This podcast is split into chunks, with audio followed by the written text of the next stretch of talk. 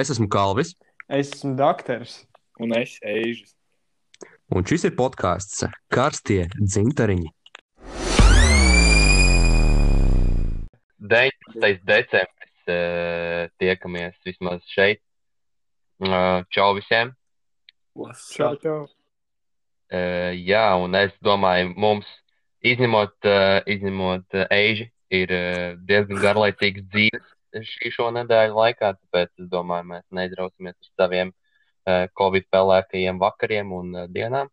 Bet, bet Eižis eh, jau pirms tam aizskatā jau ieminēja savu, uh, savu, teiksim tā, otrdienas prieku, kas notika Eiži otrdien. Es nokārtoju tiesības. Un Jā. par to mēs aplaudējam. Jā. Jau bija traki. Jāielai dzērienu. Bija Jā, man īstenībā ir dzēriens. Man ir dzēriens uh, un labs dzēriens. Kas, Man arī. kas, kas ir labs dzēriens? Uh, nu, diemžēl nekas uh, grādīgs, bet, uh, Ah, bet sil, siltstoties ingvertēji. Uh, tāds klasiskais uh, variantiņš. Bet jā, nu kā tev gāja? Eži? Varbūt trijos vārdos. Nu, trijos. Kas? Trijos. Trijos. Jā. Nu, bija reāli. Tagad naidīgi ar tiem visiem Covid ierobežojumiem. Starp mani un to instruktoru bija kaut kāda siena, vēl visi abiem maskas. Siena. Jā, tās Nē. plasmas sienas starp diviem pasažieriem. Nu, pa vidu kaut kur. Reāli Tā kā kaut kāds polikarbonāts vai kas? nav ne jausmas. Kā tu labo spoguli re- redzēji? Vai ne? plasmasas siena, tā kā veikalos pirms, tā kā, pirms kasēm. Un, uh, jā, čūbis tāds nerunātīgs. Tāds rīktīgi pikts bija. Bet, nu, gāzām viss kārtībā. Arī kaut kāds mācībnieks tur zinām, apzinām, braukā, braucot. Tāpēc visai. Kolnusus nenogāza nekur. Nē, nē. Easy. A, Kas tev pa figūrām bija? Es paralēlo parkošanos. Paņēmu, izvēlējos. Tad tev Un- divreiz sanāca to pašu pildīt. Nē, viņi tikai viena jāizpild bija, ne? Viena, un tad piebrauc vēl pie tā tur strunta. Tā, tā kas saprāt? Jā. O, kad es kārtoju, tas sanāk pirms četriem gadiem, mums obligāti bija ā, paralēlā parkošanās, un tad otru vajadzēja izlozēt. Mm. Un, ā, man iekrita, kas man iekrita? Tie Es vārti. neatceros. Mm, es tiešām pat neatceros. Varbūt tev vēl bija tajā estakādas laiki, ka jāuzbrauc augšā. Estekāda arī bija īstenībā, kad uh, tu vari izlozēt estekādi, un tev bija jānorē roķina tajā pusceļā. Aha. Un pēc tam tā kā. Uh, Jā, jā, Kur tas tie laiki, kad tu biji jauns kalvi? Nu, jā, es esmu dinozaurs jau. Dinozauri. Labi. Bet jā, Bet jā, bija inčīgi, vismaz kaut kas spilgts noticis. nu, man tad mēs ar to tevi apsveicam un uh, gaidām arī doktori. Jā, un mēs varam pārslēgties pie mūsu viesa, Man kurš arī Jelgavā nokārtoja tiesības. Jā. Misters Dāvis Šolmanis. Jē, Sveiki, Laip, jaunieši! laipni lūgts uh, karstajos dzintariņos. un Prieks tevi dzirdēt. Lielas paldies par šo iespēju šeit parunāt. Kā tu vieti Šolmani? Un kur tu esi?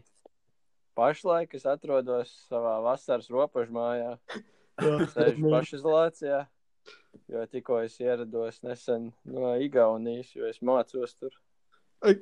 Kā, kā izpaužas? Tā kā, Ko, ko jūs darat pašizolācijā?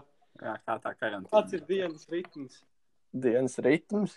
Jā. Tā man ik pa dienām vēl dažreiz, man liekas, divreiz šonadēļ bija eksāmeni. Kā Oh. sanāca eksāmens likt. Man liekas, viss nekas beidzies. filmu skatīšanās un ēšana. Tas diezgan Un optimāli. vakarā grafiks. iešana saunā. Kā jums ceļšanas process notiek? Jūs paši taisat? Nē, mums Bolt atved. Bolt delivery pie durvīm. Tagad robežu, Noliek kasti un viss. Episki. viņš uz robežiem ved, jo man uz jūrmā, man liekas, neved neviens.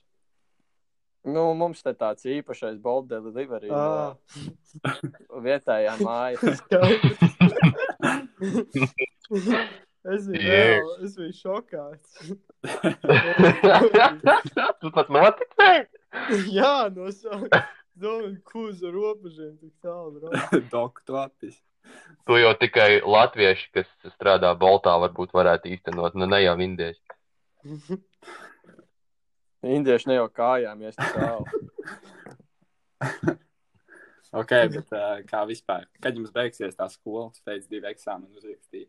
Šodien bija. Jā, es arī paspēju, kad vēl bija Igaunijā uzrakstīt, bet tagad man ir palikuši divi eksāmeni. Viens pēc janvāra uzreiz, nu, pēc jaunā gada sanāk, tas Mhm. janvārī. Sanāk online, un tad viens ir, kas ir matemātika. Teorētiski prognozēts ir 19. janvāris, kas ir klātienē, bet es stipri šaubos, ka viņš būs klātienē. 19. Jo janvārs. es domāju, ka to, Jums nav Jā. brīvlaiks. tas ir pēdējais. Jums nav Kas? brīvlaiks. Vai jums ir un 1. septembris se, semestris turpinās? Nu, tas, tas brīvlaiks ir tāds relatīvs. Mums vienkārši ir sākot no kaut kāda 12. decembra, vienkārši veselu mēnesi, bišķi vairāk tā kā eksāmena tāds Ah, laiks. ok. Ir trīs datumi, kad tu katru priekšmetu vari likt eksāmenu. Tas, to, tas nozīmē, ja tu paspēji visus nolikt decembrī, tad bezmaz viss janvārs ir Ah, brīvs. ok. Bet uh, matemātikā tādas iespējas nebija.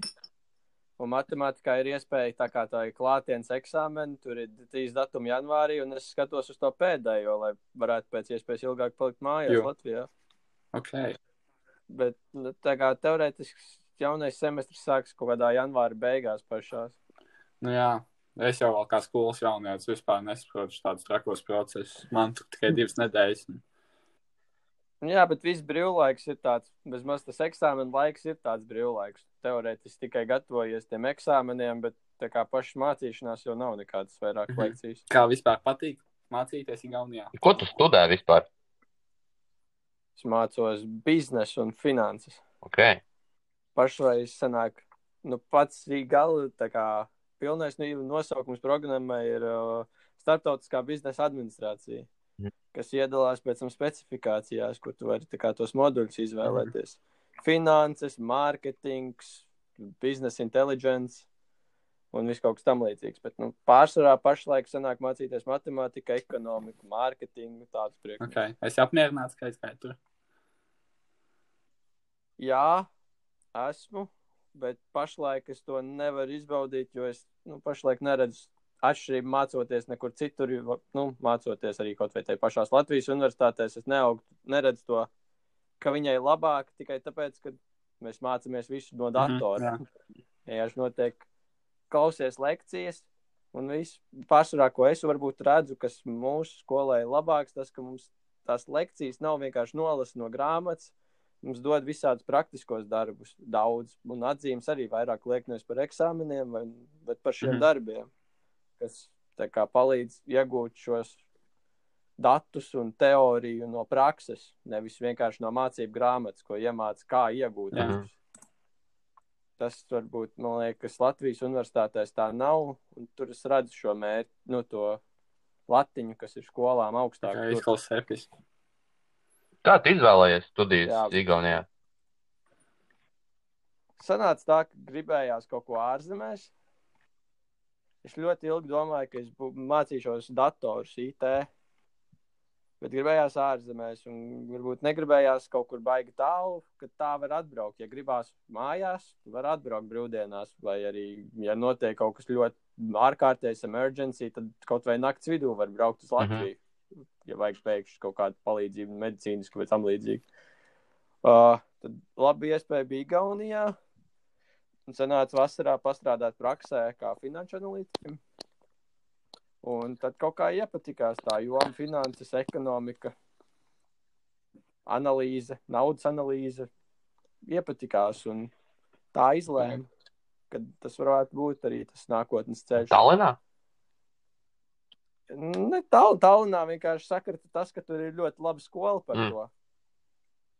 Bet uh, vairāk tas uh, profesijas, jeb uh, ko mācīšanās programma, tas palīdzēja man praksa, kas sanāca vasarā pastrādāt. Mm. -hmm. Vasaras praksa tā jomā.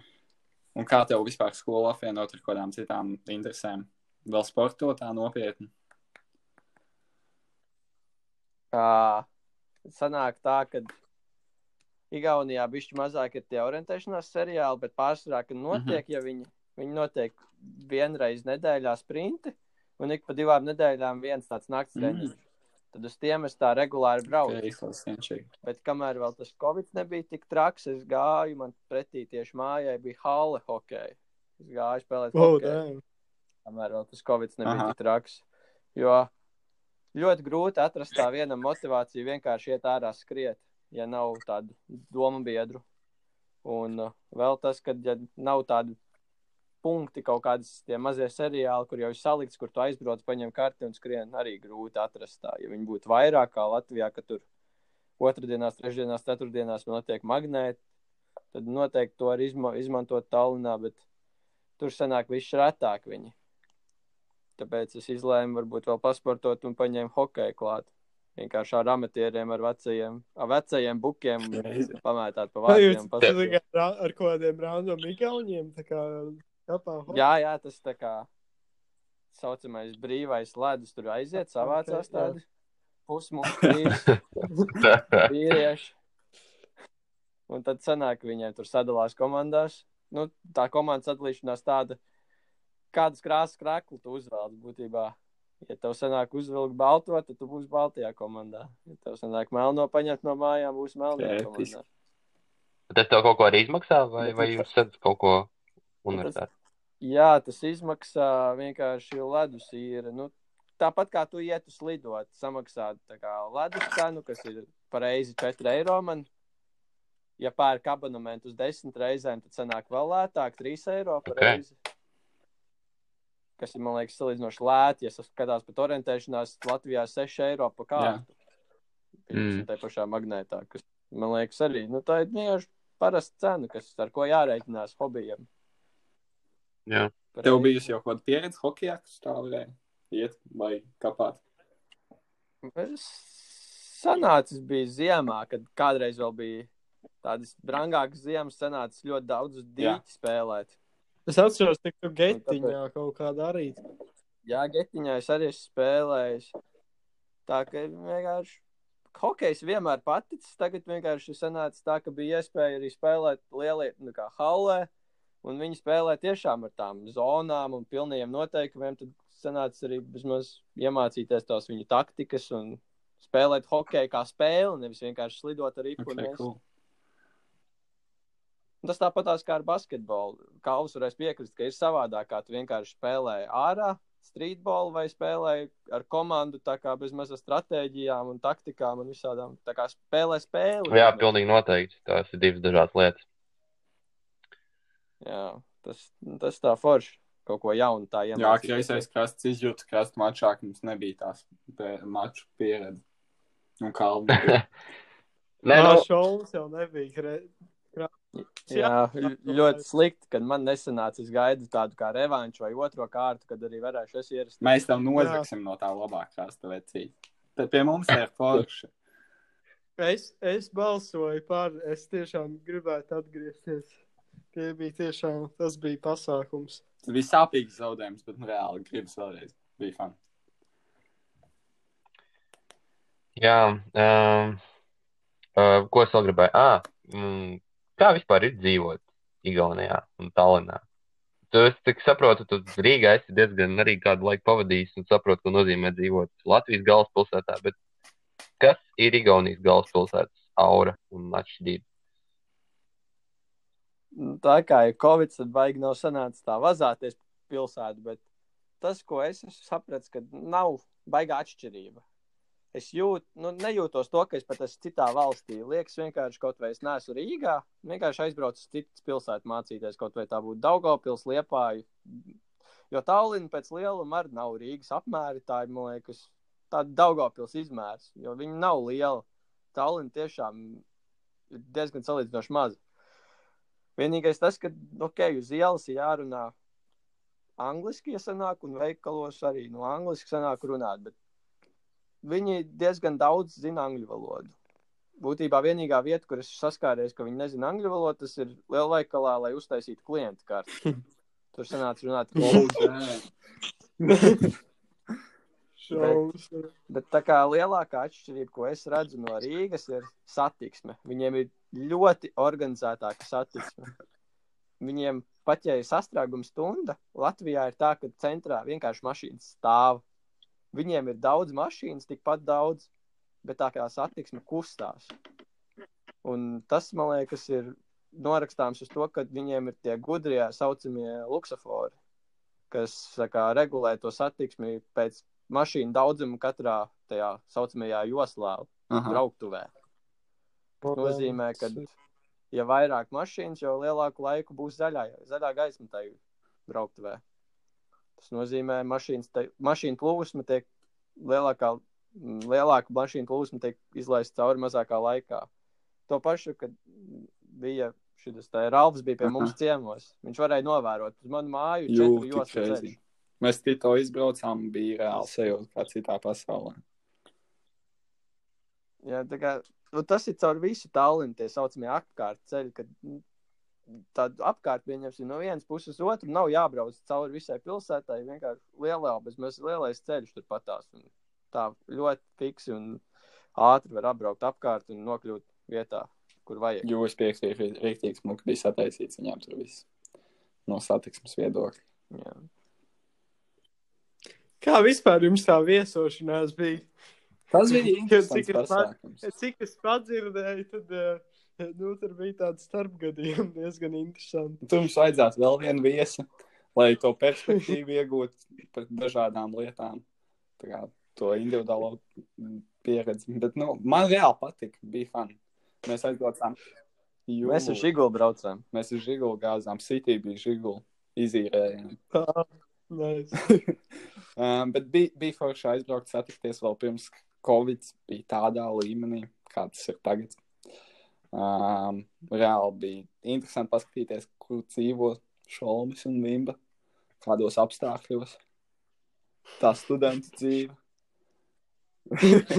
Arī izbaudījāt, kā Jū, rīktīgi izbaudījām. Bija šī uz, hitām arī uz nerviem, gan jau.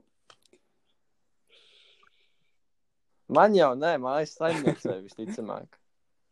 Es jau biju ļoti, ļoti tāds mierīgs uz to, kas tur notika. Ja mēs skatāmies no Indijas, kāds Tas gan. Es arī biju rīktīgi mierīgi. saprotoši, saprotoši. Bet mājas saimniece bija diezgan pikta uz to, ko viņai sanāca piedzīvot naktas laikā.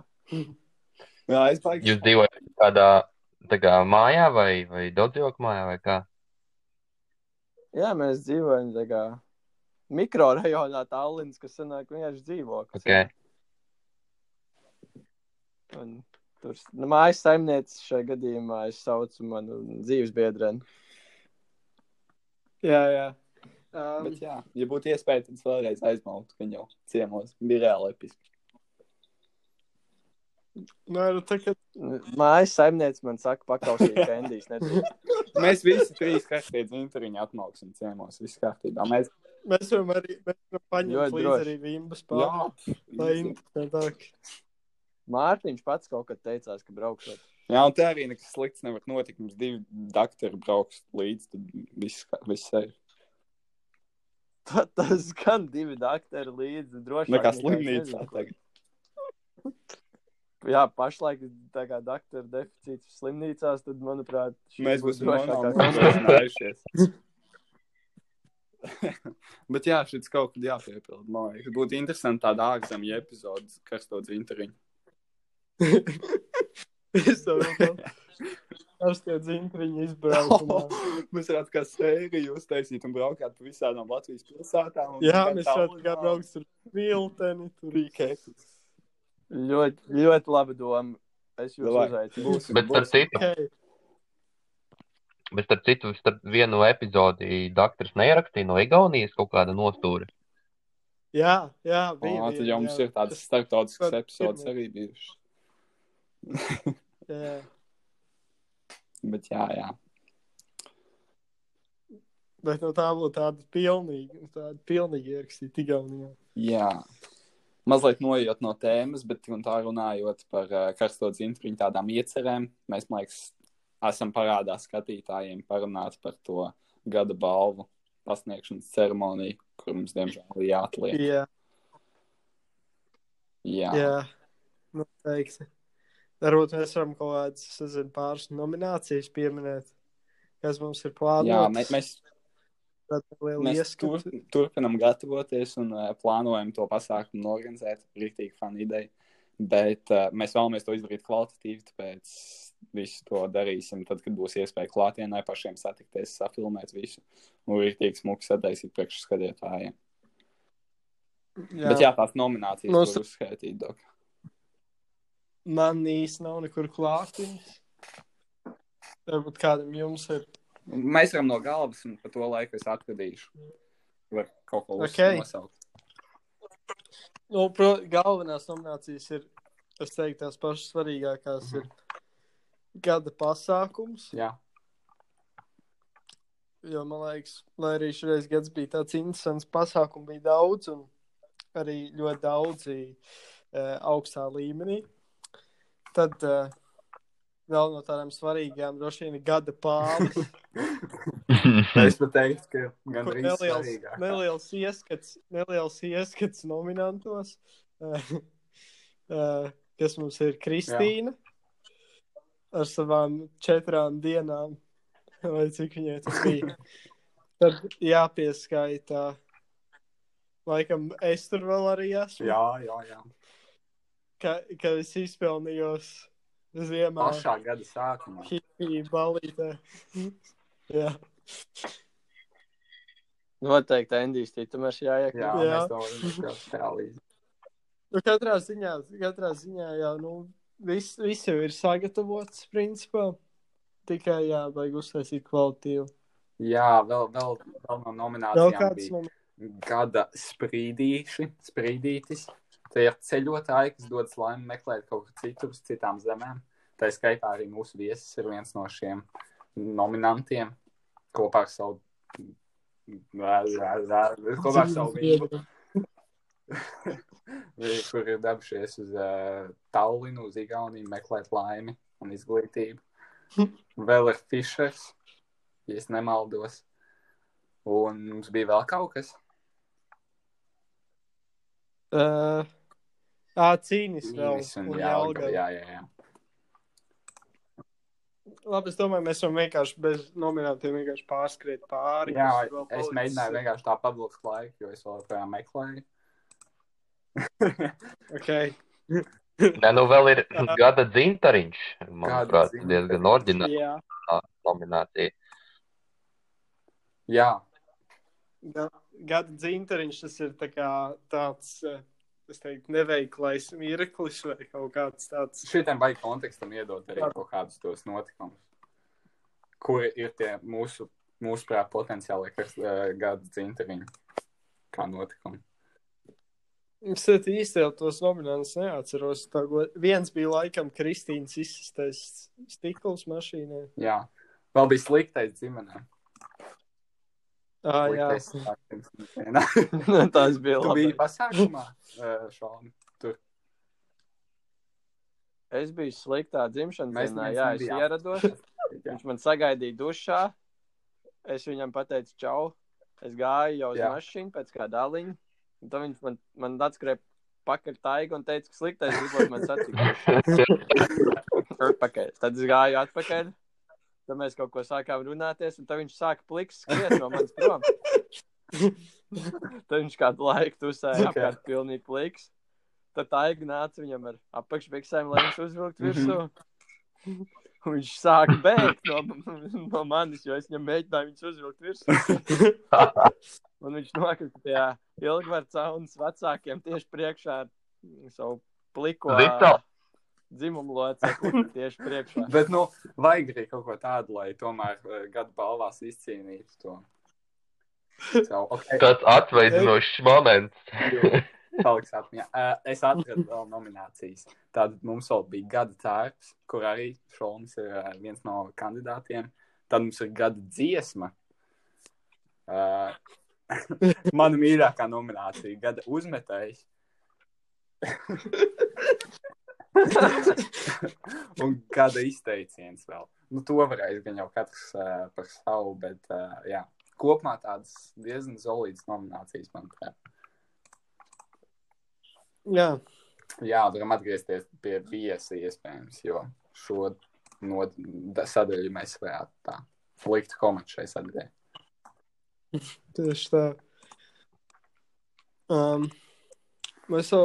Ah, es gribēju prasīt par uh, uh, skolu un kā, kā tur tā visa situācija bija ar Covid. Jo man liekas, ka jūs, jūs bijāt viena no tām retajām, kuras vienkārši, kurām bija gadījums, un viņas neslēdz ciet. Ne? Mūsu skola? Jā, jums nebija kaut kas tāds, ka jums bija kaut kādā septembrī vai kaut kad. Jā, man jau aizvērts ciet ļoti agri jau. Es biju nedēļu skolā, es tikai biju. Jo mums bija skolā Covid Ah, un jūs, gadījumi. jūs aizvērāt. Mums vienkārši visas starptautiskās uh, sko... nu, tā kā start...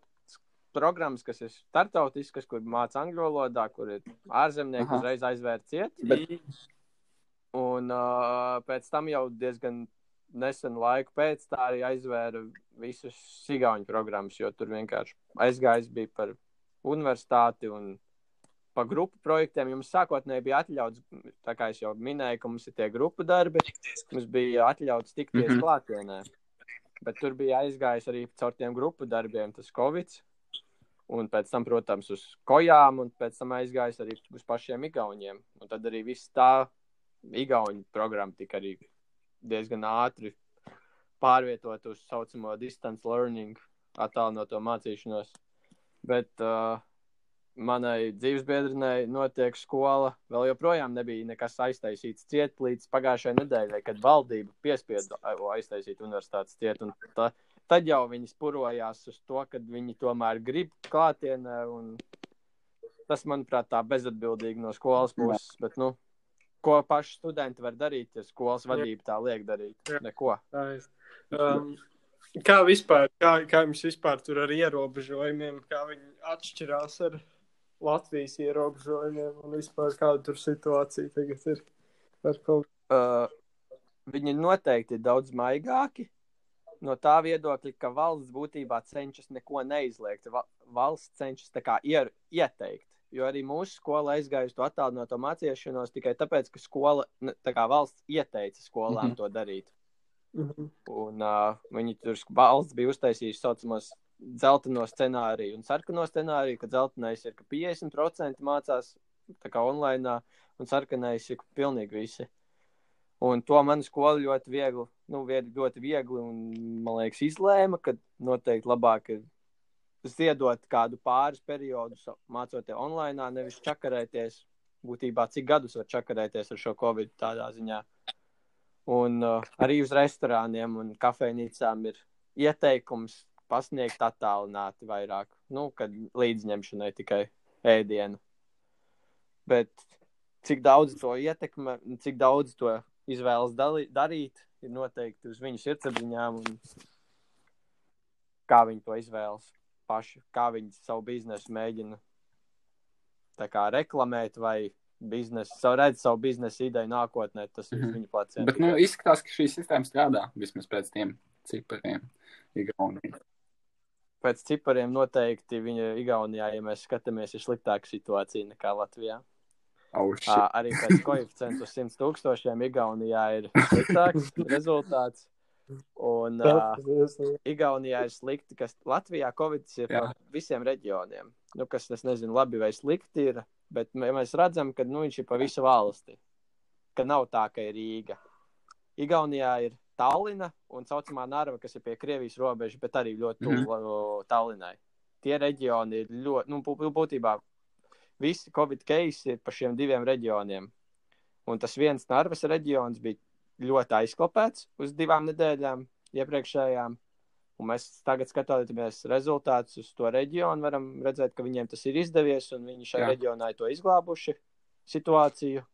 Bet, ja skatāmies uz Tallinu, tad noteikti tas stāvoklis vēl izstāsta salīdzinoši bēdīgs. Cik bēdīgs viņš ir. Bet, uh, cik bēdīgs, ka katru dienu vismaz 400 covid case tai Tallinā. Ja mēs skatāmies uz Rīgu, Rīgā, cik es skatos, ir ap 300, bet Rīga ir daudz lielāka iedzīvotāju ziņā nekā Tallina, ja mēs skatāmies tā. Mhm. Nu, Un tas, manuprāt, ir viņiem vajadzētu.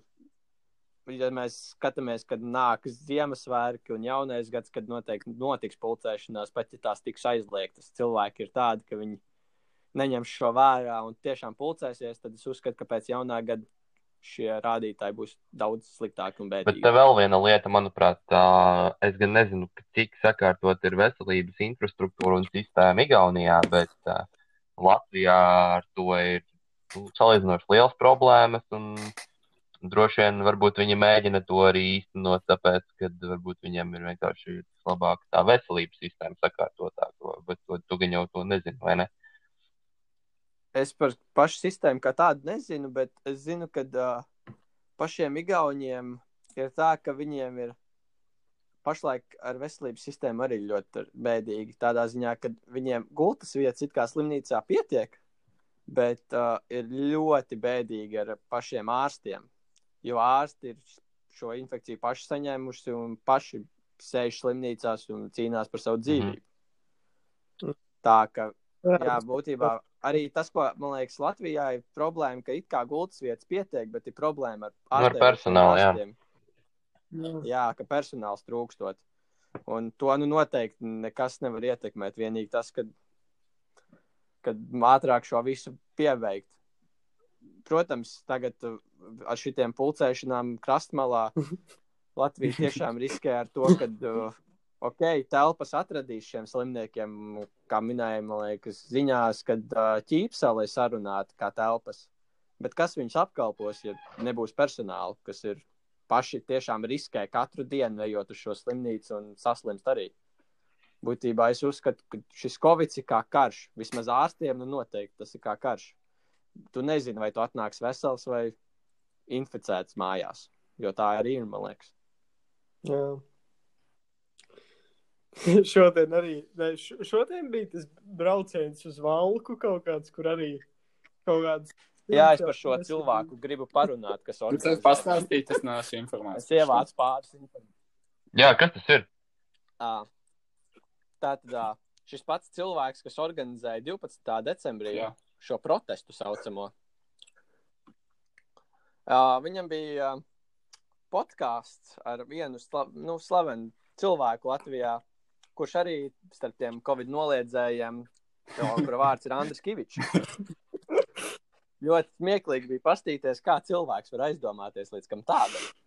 Bet ā, šis pats cilvēks arī organizēja braucienu ar mašīnām, kur bija plakāti, kur viņi demonstratīvi pārbrauc, liekas, pāri robežai un atbrauc atpakaļ uz valku un uh, neievēro karantīnu, jo nu, tā nesot vajadzīga. Un viņi ar tiem plakātiem mēģina arī, uz mašīnām, demonstrēt to, ka Covid ir izdomāts. Un uh, pietiks ākstīties, ļaujiet mums brīvību, ļaujiet mums ceļot un ļaujiet mums dzīvot normāli. Jā, dzīvi. pats labākais, ka viņi tā piesauc kaut kādas pilnīgi nesaistītas lietas, tur kaut ko saista. Covid, piemēram, es nezinu, ar tur trešo atmodu un 90. gadiem, ka mēs esam Jā. nospiesti un ka mums vajag brīvību un ko tādu. Nu, šitā. Ļoti- tas, ka viņi, tas, ka viņi uz šo visu raugās no krīzes puses, ir labi. Ekonomiski labi, ka viņi par to domā. Bet tas, ka viņi liek kopā pilnīgi absurdas lietas ar šo ekonomiku un krīzi, tas ir cits stāsts.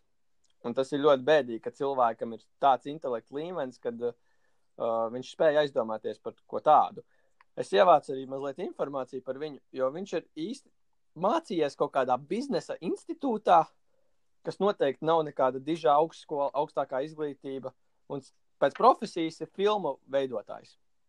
Tā kā es mm, par viņu izglītības stāvokli, par izglītības to Statu.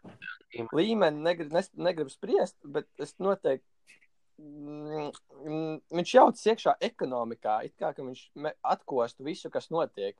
Viņš uzskata, ka pasaules tā kā, finanšu banka, lielā pasaules banka, ir veidojusi šo vīrusu un tagad manipulē cilvēkiem, piešķirot viņiem kredītus un pēc tam dzīvojot uz tiem kredītu procentiem, ko viņi iegūs atmaksājot šos kredītus. Tas nozīmē, ka viņi, viņi domā, ka ik pēc 12 gadiem ir izveidota mākslīgā krīze, kas nozīmē, ka visi viņiem samaksā, iedod kredītus, visi paņem naudu, protams, pēc tam uh, situācija uh, stabilizējas, cilvēki sāk atkal strādāt normāli, uz kredītiem sapērk mājas, mašīnas, un pēc tam viņi atkal mākslīgi uztaisa krīzi, un uh, viņi ir ieguvu, un viņi iegūst tās lietas, jo cilvēki vairs nevar maksāt par tām lietām, taču šajā gadījumā mašīnas, mājas, un viņi pa brīvu iegu, ieguvuši gan mājas, mašīnas, gan to, ka viņiem šo periodu ir maksāta saucamie kredīts. Tātad, tas ir ļoti absurdi tā domāt, ka tas nozīmē, ka visi ir uzpirkti. Ir uzpirkti visi veselības darbinieki, uzpirkts uh, valstu pārstāvi, galvenais visu valstu pārstāvi. Un tas nozīmē, ka bijis kaut kāds lielais mītīņš, kad šie visi lielie valstu pārstāvi ir satikušies kaut kur. Un tas ir absurdi domāt, ka pēkšņi kaut kāds Bills Gates ar Donaldu Trumpu sadarbojušies un uzaicinājuši Ilzu Viņķelu un Krišjānu Kariņu uz kafiju. Ja mēs ņemam vērā, ka Krišjāns Kariņš ir tikai uh, nesen kļuvis par ministru prezidentu Latvijā, manuprāt, viņš ļoti veiksmīgi salīdzinoši tiek ar šo situāciju galā. Ja cilvēki tiešām pakļautos, ko viņš Mhm. ša- valda šai valstī un veido. Interesanti, interesanti. Jā. Jūs nezināt, tās valstīs arī nav kaut kāda līdzīga protesta ar līdzīgiem nodomiem. Vai šis tā? Nu, tas jau ir visur. Tas jau... Tas ir visur, jo, šie, jo Latvija jau ir šo teoriju. Latvija, man liekas, nav pat to izdomājusi. To ir izdomājuši kaut kāds sasvērstības. Es domāju, ka to ir, ja tā godīgi, es domāju, ka to ir izdomājuši Krievi. Nu, kā, es nezinu, tas kaut kā izklausās pēc tāda viņa gājiena, un tad viņi, jo, jo es nezinu, man liekas, tur kaut kā viss saistīts, arī tās personas, tie aktīvisti, tur ļoti daudz ir saistīti ar Kremli visā pasaulē, tāpēc es nezinu, man- iespējams, ka, bet es negribu arī tā, tagad tā filozofēt un izteikt tādas pārsteidzīgas secinājumus, bet, nu, jā, man vienkārši ir tādas sajūta, nezinu, kāpēc, bet Okay. Jā, vai jūs pazīstat kādu, kas ir šād, šādas teorijas piekritējis jūsu draugu lokā? Es, vai, es nezinu. Esmu dzirdējis kaut ko, bet nu, kādu vai. man ir, man ir, man ir, man ir klases, klases biedri, kl- īstenībā vairākiem klases biedriem, diviem konkrēti, vecāki, kuri, jā, kuri ir pret vakcīnām. Es nezinu, kāpēc, nu, par ob, pret obligātām vakcīnām. Es nezinu, kur viņi ir dzirdējuši, ka būs obligātas vakcīnas, jo man liekas, to vispār fiziski gandrīz nevar izdarīt tik demokrātiskā valstī kā Latvija. Bet, uh, To var izdarīt fiziski. Nu, tas ir bet, ļoti ā, sarežģīts process. Katrā, nu, tā kā, tas tiešām ir ļoti sarežģīti. Tur jāiet. Nu, jā, Bet no otras puses, lai vakcīnas strādātu, vismaz 70% cilvēku ir nē, jāvakcinē. nu, protams, tas jā, bet nu, vienkārši man liekas, nekad neviena vakcīna nav bijusi obligāta, un cilvēki ir tāpa, tāpat vakcinējušies pret to, kaut vai es nezinu, pret uh, gripu vakcinēs, cilvēki pret ēčencefalītu un tā tālāk. Un ir, protams, tie kaut kādi tur, es nezinu, pāri šie cilvēki, bet, nu, viņiem vienkārši ļoti skaļas balsis liekas, ka viņi ir ļoti daudz no mūsu sabiedrībā, bet, manuprāt, arī nav tik traki. Bet es esmu ļoti, ļoti mazliet skeptisks un bailīgs pret šo vakcīnu. Tādā ziņā, ka uh, man bail, ka tā vakcīna ir tik ātri uztaisīta, ka viņa būs pavirša. Jo cilvēki ar savu nezdistancēšanos ir būtībā piespieduši šo covi- Covid vakcīnu ražotājus ierašot, nu, iesteigt šo vakcīnu mm, radīšanu. Jo, cik mēs zinām, vakcīnas radīšana parasti aizņem divus gadus šī vakcīna tika uztaisīta nepilnā gadā. Kas man liek mazliet domāt, ka būs blakus efekti un ka viņa būs bijusi iesteigta un nepārdomāta. Un tas man liek baidīties, un es labāk būtu ziedojis, pieņemsim, divus gadus pilnīgā pašizolācijā, un tur tiešām, kad jūties mazliet kā cietumā, nē, bet nu, pašizolējies, bet vakcīna tiešām uztaisīta perfekti. Un nevienam cilvēkam nebūtu šaubas, un ka vakcīnā būtu kaut kādi blakus efekti, vai tur cilvēki arī miršu no vakcīnām. Jo cik pēc pēdējiem rezultātiem ir zināms, ka ar alerģijām būs diezgan pašvaki ar tām vakcīnām, jo tur notiek kaut kāda reakcija. Varbūt Kalvis šo var pakomentēt kā ārsts. To Vai viņš ārsts. Nu, Par blakus tev efektiem? jau. Nē, nu, pirmais, ko es gribu tā kā iekomentēt, ir tas, ka uh, jebkurai vakcīnai pirmais prototyps būs, uh, būs kāds viņš būs, un neviens nebūs ideāls. Tas viens.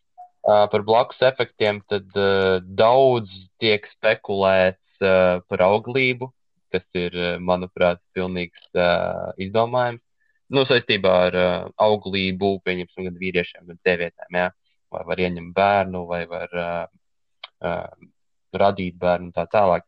Bet um, to es gribu spekulāciju uzreiz apgāzt, bet uh, pirmās, um, teiksim tā, blakus efekti īsti tādi lieli, tādi konkrēti, kas izraisītu kaut kādu, nezinu, karcinogēnās izpausmes vai, vai kaut kādas tiešām tādas akūtus simptomus, kas uzreiz pasliktinātu veselības stāvokli, tāda nav. Bet uh, ir uh, teikts varbūt par kaut kādiem izcitumiem, kas uz ādas var parādīties, bet uh, vai arī kaut kādu vieglu, nezinu, tur pēc tam. Uh, pēc tam nelabumu un tā tālāk, bet uh, tas procents ir diezgan mazs. Procents bija, ja nemaldos, kaut kur ap 5%. Bet, nu, ja tā ir populācija, nu, rēķina uz miljonu cilvēkiem, tad varbūt nu, sanāk 50 tūkstošiem kaut kādas blakus izpausmes varētu būt. Bet uh, konkrēti par konkrētām blakus parādībām nemācīšu teikt. Man nesu vēl tik daudz iepazinies ar informāciju, bet uh, cik man zināms, tad uh, tās blakus parādības, ja viņas ir, tad viņas nav nopietnas, bet viņas glāb cilvēku no smagākas simptomātikas, kas var pēc tam pāraukt lielā uh, lielā pneimonijā un būt, vajag eh, mākslīgo plaušu ventilāciju. Tāpēc, um, jā, nu, vismaz, vismaz, vismaz cik es esmu dzirdējis arī no kolēģiem, eh, kas varbūt ir zinošāki par mani, kad viņi, viņi varbūt nav varbūt tik skeptiski, bet uh, no otras puses, tā kā skatoties, ja tu spēj ar to vakcīnu sevi, sevi paglabāt savu dienas ritmu, savu veselību, savu dzīvi, ja, uh, un eh, varbūt iziet no tā visa ar kaut ko sliktākajā gadījumā, ar kaut kādiem izsitumiem zādas. Tad, eh, domāju, tas tomēr ir iegūms. Bet mm, par precīzāku informāciju domājams, mēs zināsim tad, kad tiešām tiks sākti vakcinēt, kad vien lielākas masas ar cilvēkiem, un kad tiks viņi tagad teikt follow apoti un skatīti par to, kā vai viņiem rodas šīs izpausmes vai nē. Nu tāda, bet tomēr vakcīna pat par sevi par tādu ir izgājusi uz trīs stadijas. Varbūt tās birokrātiskais sloks tika noņemts, jo tika milzīgi naudas resursi ieguldīti vispār šīs brīnuma līdzekļi, ja mēs tā varam teikt, izstrādāt. Tāpēc um, varbūt arī nedaudz ātrāk, bet, nu, protams, var jau arī piekrist par, par to sasteigtību. Bet, nu, Pādas ir izgājušas un dokumenti ir pieņemti. Redzēsim, kā jutīsies tie cilvēki, kas viņas saņems. Jā. Prieks to dzirdēt, kad, jo es biju mazliet sabijies, kad varētu būt kādas dzīvībai bīstamas tādas blaknes no šīs vakcīnas, ka viņa ir tik ātri iesteigta. Bet prieks dzirdēt, ka tādas nav un ka tiešām sliktākajā gadījumā pāris izsitumi, bet tas tomēr glābs cilvēku dzīvības un glābs ārstu dzīvesveidu, kad mm, viņiem nebūs pārpildīti mm, kantori, kur jā, jā, jāapkopa cilvēki. Jā. Un uh, tīpaši tādai valstī kā Latvija, es domāju, ka uh, zinot ar to sistēmu, kas mums ir un to personāla daudzumu, kas mums ir, tad tā tiešām ir pagaidām vienīgā iespēja, kā tikt no šī kara medicīnas ārā.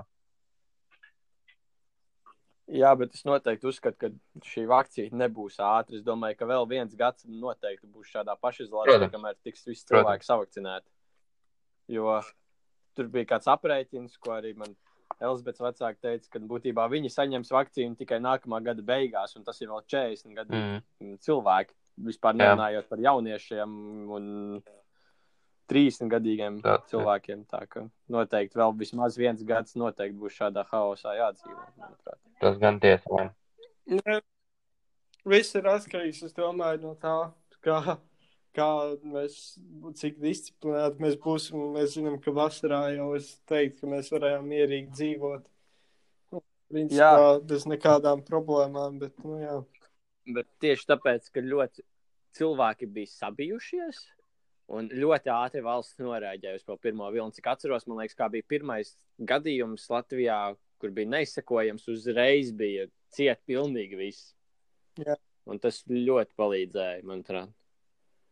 Un, bet tagad cilvēki, man liekas, uzskata, o, oh, otrais vilnis, bet nu nekas tāds. Ko, Iespējams, nekas tas bija nav, tik liels ierobežojums neeksistējot. pirmajā vilnī, Un tad ietekmē to cilvēku mentalitāti. Tad, kad tagad ir rīktīgi traki, tad cilvēki joprojām ir pieraduši pie tā, ka Covid nav tik nopietns, jo pirmajā vilnī bija baigi sarežģīti mēģināt atrast kādu pazīstamo, kuram ir, jā, kuram ir bijis tas Covid un kurš ir izdzīvojis kaut ko tādu. Nu, es domāju, tādēļ arī ir daudz kaut kādas tagad tās teorijas, ka viss tas ir izdomāts, jo vienkārši Bet, ā, nē, nu galvenais jau, kamēr tas tev neskar, tikmēr jau ir pilnīgi aptuveni, jā. Valodā. Tas, kā tev kādu pazīstamie sāk saslimt, veids jau ir. Man jau ir klasē Jā, man arī ar bija citu. slimoši. Uh, Jā, jā, un arī pazīstamo skaits, kur ir miruši no Covid, arī ir palielinājies pa vienu pēdējo divu nedēļu laikā. Tā kā, Mhm. nu, ir diezgan bēdīgi, es teiktu. Man liekas, bēdīgi skatīties uz tiem cilvēkiem, kas tiešām tic šīm sazvērstības teorijām, ka tāds neeksistē. Vai, un šie augstie cilvēki tik cenšas nopelnīt ar to, ka mēs dzīvojam tādā krīzes situācijā. Un, Jā, un viss stulbākais ir tas, ka tie cilvēki, kuri visus šajos protestos iet, viņiem nekas nenotiek, bet saslimst un mirst tieši tie, kur ir izdevies. Un... nu Jā, Nē, nē, ka šie cilvēki, kas iet protestos, arī saslims tā, ka viņiem vajadzīs veselības palīdzību no kāda mediķa. Un tad viņi klauvēs pie slimnīcas durvīm, un viņiem teiks, ka viss ir pārpildīts un nav kas viņus aprūpē. Tad viņi teiks, ka valdība ir slikta un valdība neko nav darījusi. Man viens jautājums, Tā ko jūs domājat par to, ka tagad ir visi tie ierobežojumi Latvijā? Es nezinu, kā būs turpmāk, bet magnēts visu šo laiku ir noticis. Šodien vēl joprojām bija viena kārta, kur piedalījās kādi 400 dalībnieki. Ko jūs par to domājat? Es biju pats pārsteigts, kad es uzzināju, ka vispār kaut kas tāds notiek. Zinu, ka par ko es esmu pārsteigts. Ziniet, ir uh, dot, Jā, jā, dot jā, pieci labdarības maratonu.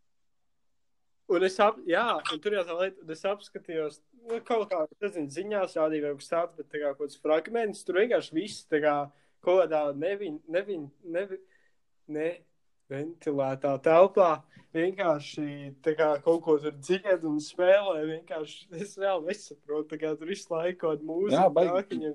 Interesanti. Saslimti. Tas ir tiešām interesanti, ka kas tāds ir atļauts. Bet tas varbūt ir kaut kāds izņēmums, kur, kur pirms tam ir veikti Jā, iespējams. vairāk covid testi, ka tiešām viņi tiek ielaisti šādā telpā. Bet par magnētu Atbalstu cilvēku daudzumiem. maratonu. Es skatos, Es, es domāju, ka ir ok. Nu, kā, tas viss tāpat noteikti dabā. Tur nekāds baigais Ok. okay. kontakts jau tomēr nav. Nu, Jā, bet uh, salīdzinoši pīķa stundās tajā pašā magnēta teltī, kur tiek saņemta Tas karte, tomēr, man liekas, vajadzētu to cilvēku plūsmu kaut kā Nu, jā, regulēt. regulēt noteikti. Pavasarī, es teiktu, aprīlī ļoti labi, manuprāt. Bubs tika Ok. okay. šovs galā. Bija tiešām, nu, bija prieks Jā, skatīties. tad nenotika magnēts, bija šie treniņi ar vienkārši lentītēm. Nē, bet ne, tas jā, bet pēc tam viņš sāk taisīt tipa oficiālai magnētas treniņi, kuram viņam vispār bija tie, ķip, tie plastmasas stikla jā. caurspīdīgie salikt un konusi. Jo es tagad Es sen neesmu Jā, jā, es pats arī vienkārši kā to gribēju tā. tagad. Un, parunāt par to, jo varbūt jūs kāds bijis un kā vispār tur viss notiek. Jo Es neesmu bijis. Es nevaru. Nē, tas, ka brīvā dabā izkustēties cilvēkiem, jā, vienīgi par to, ka vajadzētu varbūt jā, to kartes uh, saņemšanas vietu regulēt, Mhm. plūsmu tur caur, kas iziet tai vietai. Un finiša to nolasīšanos stendu kaut kā regulēt. Bet, Ah, eu, eu, eu, es, grib, tikko, man, es atceros Nu. no. vienu baigi labo lietu, ko es piedzīvoju pirms nedēļas, ejot pa jūrmalu. Tas bija tiešām. Es neatceros, vai es varbūt kādam to sūtīju, bet man liekas, ka nē, man liekas, ka tas ir palicis tikai pie manis. Vienkārši sakot, mēs gājām vakar pastaigā pie jūrmalu. Nu, vienkārši izkustēties, jābūt svaigu gaisu. Jo, nu, Baigi kaut kā mājās sēdēšana sanāk. Un, nu, kā vajag, tas nepalīdz imunitātei. Un uh, bija tieši stājies, man liekas, jau kādu laiku, nevis tikko, bet ilgu laiku, jau man liekas, bija stājies likums, ka nedrīkst uh, restorāni strādāt, Jā. un ka viņi tikai līdzņemšanai var. Un tad mēs gājām pie jomas ielu, un tur vienkārši konditorijai priekšā tādi visiem lieliem stikliem, galvenajiem lielajiem, priekšā ir melni miskastes maisi. Un Izskatās tā kā kaut kāds remonts notiek. Tad ir kaut kāda zīme tur uz ielas, kas rāda ar būtiņu un aicina iekšā, ka mēs esam atvērti un tā tālāk. Nu, bija tā kā interesi pasīties, kas notiek, vai viņi reāli ir atvērti. Un, eh, jā, mēs iegājām iekšā. Nu, pavērt, pavērt durvis vienkārši. Un vienkārši tur pilns ar cilvēkiem, sēž pie galdiņiem un vienkārši ēd būtis. Tik episki. es brīnos, ka kaut kas tāds var, var notikt jūrmalā. Ā, es man liekas, šaubos tāds. Bet jā, kā, vienkārši arī tā jomas jau ir pilna kaut kādas tur salaveces dziedas, cilvēki nāk nav. Okay. Kā, Nu, jā, reāli kreizī. Man bail arī tagad par tiem visiem Ziemassvētkiem un jauno gadu, ko Šalms pats pieminēja iepriekš. jā, Ziemassvētku būs reāli, es domāju. Es pat par Ziemassvētkiem mazāk, bet par jauno gadu, jo man liekas, virkni jaunais gads ir bijis tāds vairāk tusēšanas periods. Jā, no tāda viedokļa jā, it īpaši arī, nu, ja mēs skatāmies, tad uh, krievu Jā. lodīgie tomēr ir tie, kur vairāk, nu, neievēro visas tās lietas un jaunais. Nu, Un tad, ā, jā, un tīpaši vēl pēc jaunā gada ir tas Krievu Ziemassvētki saucamie. Pareizticīgo, un es domāju, ka jā, ap jauno gadu un pēc jaunā gada šie rezultāti būs tiešām bēdīgi. Un es ceru, ka valsts policija kaut kā kontrolēs šo pulcēšanos, kaut vai pie privātmājām braukās un skatīsies, Un tas, ko mēs. mašīnas ir. Jā, jā, pabeidz, pabeidz. sorry. Jo, ok, tas. Jo tas, ka jau ir aizliegts vairāk kā viena maisaimniecība tikties, tas jau ir, man liekas, jau cilvēkiem likt saprast, ka nevajag. Pat mana ģimene, kas ir svinējuši tiešām kuplā pulkā katru Ziemassvētkus, ir šogad izlēmusi vienkārši uzliks lielo zūmu uz televizoru, pieliks kameru un tiešām tā svinēs. Nu, ok, tas izklausīsies absurdi, bet nu, vismaz kaut kā tikties ar saviem tuviniekiem tā un svinēt Jā, kopā. ar citu zūmam būs unlimited minūte, tā kā unlim, nebūs, būs neierobežots laiks. ap. Tas ir reāli cool. Nu, Bet jā, tas forši, ka tādas kompānijas rūpējās, jo, ok, tādam uzņēmumam kā Zoom noteikti šis ir peļņas periods būtībā, jā.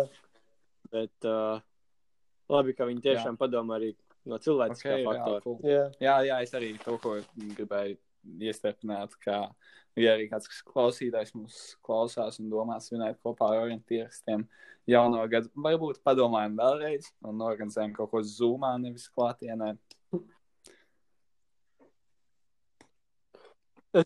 Nu, es teiktu, labāk, labāk vēl gadu paciešamies, un tad tiešām bez, noteikti bez nekā, bez nekādiem ierobežojumiem, bez nekādām bailēm no policijas, bez nekādām bailēm par iespējamo saslimšanu, un ka varētu saslimtināt savus mīļos, kas iespējams kāds dzīvo kopā ar saviem vecākiem, kuri ir gados vecāki, vai tie paši vecāki, kas ir mazliet vecāki, un ar visādām varbūt veselības kaitēm, kas ir riska grupā Covid. Noteikti padomājam par viņiem, nevis par to, Jū. kā mēs varētu patusēt kādu piekrītu. Vai ir vēl kāda tēma bez Covid, ko mēs varētu šodien aprunāt? Es domāju, ka, domāju, ka jāliek, jāliek lielais, traknais, gada baigais. noslēdzošais komats, jo mēs jau diezgan ilgi esam.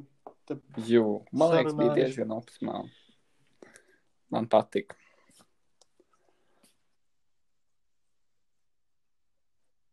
Jā, vēlētos pateikt paldies, ka es tiku uzaicināts un Paldies, parunāt par šādām smagām tēmām. Arī Jā, nekā vienkārši par pasākumiem, bet arī par smagām tēmām jūs podkāstā Jū. var parunāt. Pilnīgi noteikti. Informēsim visus mūsu klausītājus. Es ceru, ka mūsu klausītājs šoreiz vairāk nekā ka mēs iepriekšējā uh, izglītosim visus mūsu 14 klausītājus.